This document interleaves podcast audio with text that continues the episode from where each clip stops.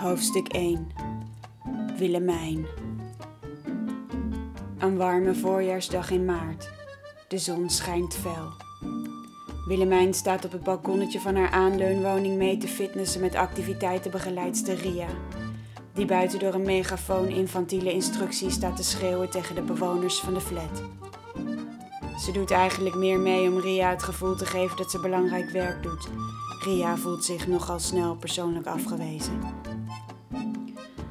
Van binnen sterft een stukje van Willemijns ziel als Ria schreeuwt dat iedereen zo sterk is. Hoe weet jij dat, Ria? Hoe weet jij of wij niet de rest van de tijd liggen te eilen van de eenzaamheid? Terwijl we een van onze spataders voelen knappen, omdat wij het schuldgevoel te fanatiek hebben meegedaan met jouw sidesteps, Ria. En onze broeken weer onder de bloederige drap zitten, Ria.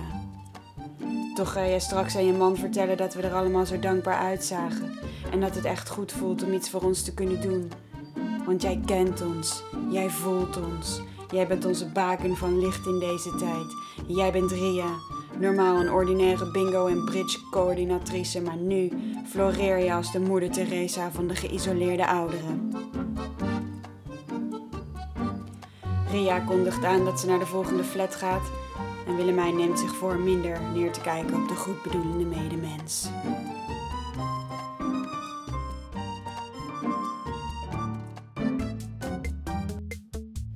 Als ze haar kamer weer inloopt, ziet ze een mailtje binnenkomen op haar iPad 4.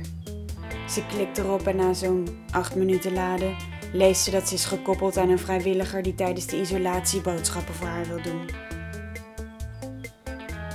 Een jongen van 25 die Jesse heet zegt dat hij over een uurtje langs kan komen als dat uitkomt. Willemijn loopt naar de spiegel en kijkt naar zichzelf. Ja meid, je bent 89 en je ziet eruit als 89. Niks aan te doen. Ooit was je Willemijn, de actrice. Nu ben je mevrouw de Groot, de bejaarde. Ze antwoordt Jesse dat het uitkomt, steekt haar lange witte haren opnieuw op, pakt haar groene robijnen klemoorbellen en laat ze met haar trillende vingers net iets te hard dichtschieten om haar zachte, lange oorlellen, die nu rood gloeien op het ouderdomsfoutje. Misschien toch iets anders aandoen. Misschien toch die jurk van Claudia Streeter? Een andere blouse? Die ene mooie centuur van Peter Haan? Ach, de tijd. Ze zou haast vergeten een lijstje te maken. Wat heeft ze nodig? Kukident, rode port, ossegalzeep voor de spataderongelukjes. Eigenlijk ook Tena Lady, maar dat vraagt ze wel aan Ria. Detteldoekjes, dettelzeep, dettelgel, multivitamine bruistabletten, al schijnen ze niet te werken. Aardappelen, kilo of tien. De bel gaat. Op het schermpje van de intercom ziet ze een jongen die wel wat weg heeft van een jonge prins Bernard met een eivormig brilletje dat in de oorlog ook hip was. Ze mogen dan meer dan 50 jaar verschillen, toch kloppen ze perfect naast elkaar. Jesse? Kom maar naar boven, het is nummer 112. Als hij over de galerij aankomt lopen, voelt Willemijn iets in haar verzakte baarmoeder dat ze nooit aan iemand zal vertellen. Wie is deze jongen? Het lijkt wel of hij bij mij hoort. Op anderhalve meter blijft hij staan. Dag mevrouw de Groot. Ze slaat haar ogen toe. Zeg in godsnaam Willemijn. Hij lacht de kuiltjes wat dieper in zijn wangen. Hallo Willemijn. Hallo Jesse. Sorry, ik ben nog niet helemaal klaar met mijn lijstje. Wil je nog even binnenkomen?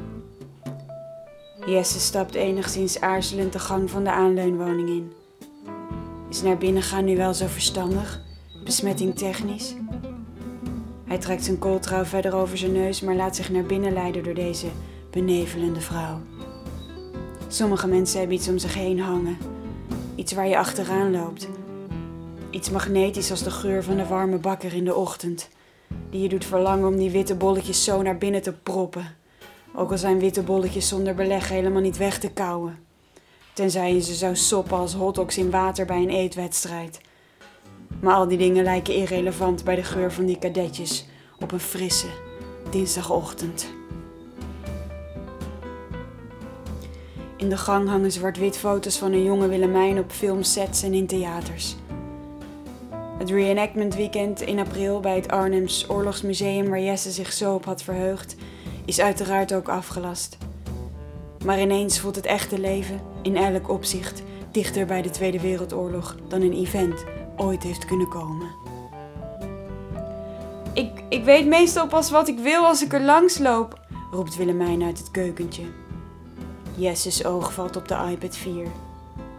Ik kan je wel facetimen als ik in de supermarkt ben. Dan kun je toch een beetje mee. Tien minuten later loopt Jesse met Willemijn in zijn hand door de jumbo. Langzaam filmend langs de schappen.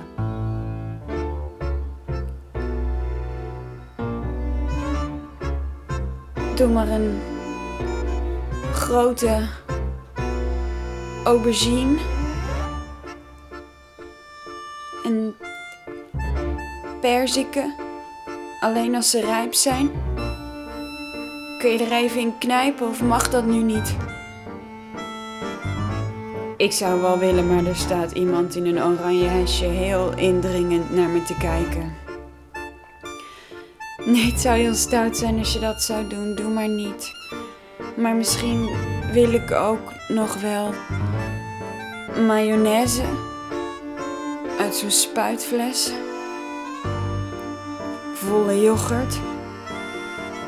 Een extra lange leverworst. Dat heb ik al lang niet meer gegeten, Jesse. Vlees.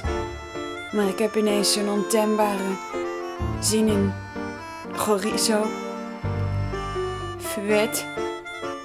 Sausijzen. Boomstammetjes. Slavinken, sappige braadworst. Is dat er nog, Jesse? Je dat voor me mee kunt nemen, dan zou ik dat heel, heel prettig vinden. En heb je nog meloenen, Willemijn?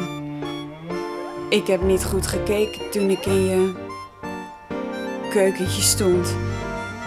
Niet dat mandarijnen niet lekker zijn. Rozijnen op zijn tijd ook helemaal. Niks mis mee. Weet je wat al heel erg lang op is, Jesse? Mijn stroop. Loop ik nu naartoe. Maar heb je dan schenkstroop? Of knijpstroop? Een stroopstift? Karamelstroop? Chocoladestroop? Welke smaak heb je, Willemijn de Groot? Welke smaak denk je, Jesse? Ik denk. Ik hoop.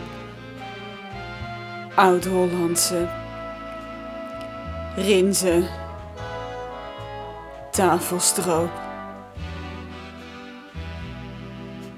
Dat klopt, Jesse. Dat klopt helemaal. Jesse loopt door de lege straat. Zou het zo voelen om een held te zijn?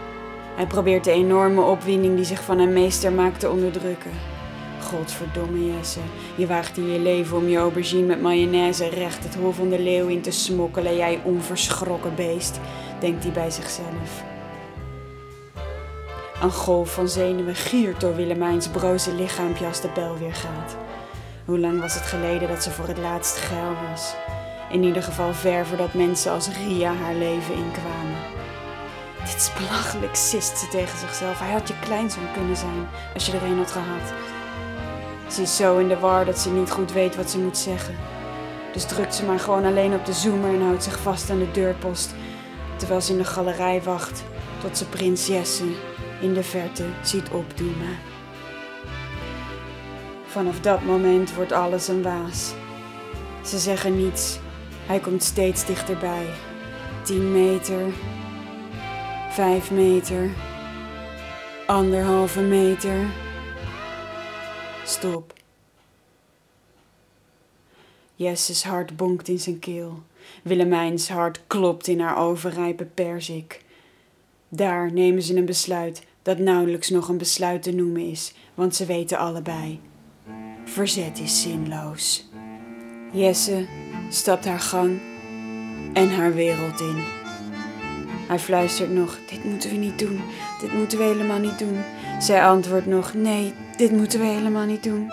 Maar de tas met boodschappen valt al op de grond. Stroop en mayonaise spat tegen de muren.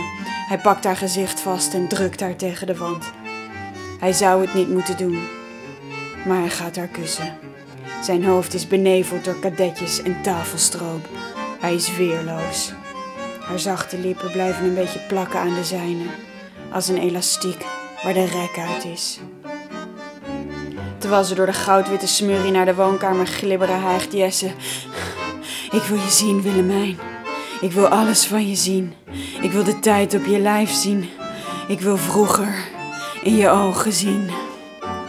Langzaam knoopt Willemijn haar Miss blouse los. Ontbloot eerst de ene schouder, dan de andere. Het haakje van de BH is altijd een worsteling met haar tremor. Laat mij maar. Alsof hij een breekbaar beeldje uitpakt bij tussen kunst en kitsch, onthult hij voorzichtig de rozijnen van Willemijn. Zijn lid klopt hevig tegen haar buikje. Hij wenste nu vurig dat hij zijn gevoel niet zo had bevochten in de supermarkt en gewoon condooms had gekocht. Zijn aubergine kan wachten. Hij moet haar nu proeven. Hij schuift Willemijns klokkende rok, champagnekleurige panty en comfortabele slip omlaag. Geleidt haar in haar stressless stoel, trekt haar benen uit elkaar en drukt zijn gezicht in de laatste restjes van haar vlassige, witte schaamhaar. Oud, Hollandse, rinse, tafelstroop druipt langs zijn mondhoeken zijn nek in. Willemijn grijpt de leuningen van de stoel vast en ademt zwaar. Waar hij haar dijen vast heeft, gloeien zijn handen op haar huid. Terwijl Jesse haar naar een hoogtepunt voelt komen, haalt hij zijn hand door de mayonaise op de vloer en bevredigt zichzelf tegelijkertijd met het enthousiasme van een jonge puber. Een jonge held. Buiten vliegt een vogel geschrokken op van het balkonnetje bij de kreet, die door het dubbelglas klinkt. Een week later wordt Jesse wakker in zijn studentenkamer met keelpijn en een vervelend hoestje. Hij mailt Willemijn of ze nog boodschappen nodig heeft, maar krijgt geen antwoord. Ook aan de deur geen gehoor. Op straat treft hij Ria die net aankomt fietsen met haar megafoon. Ze heeft de lopersleutel van alle aanleunwoningen. Als ze de gang doorlopen de woonkamer in, vinden ze een levenloze Willemijn in een nachtjapon. Met een gelukzalige glimlach om haar mond in de stressless stoel. De kapotte fles mayonaise nog in haar hand.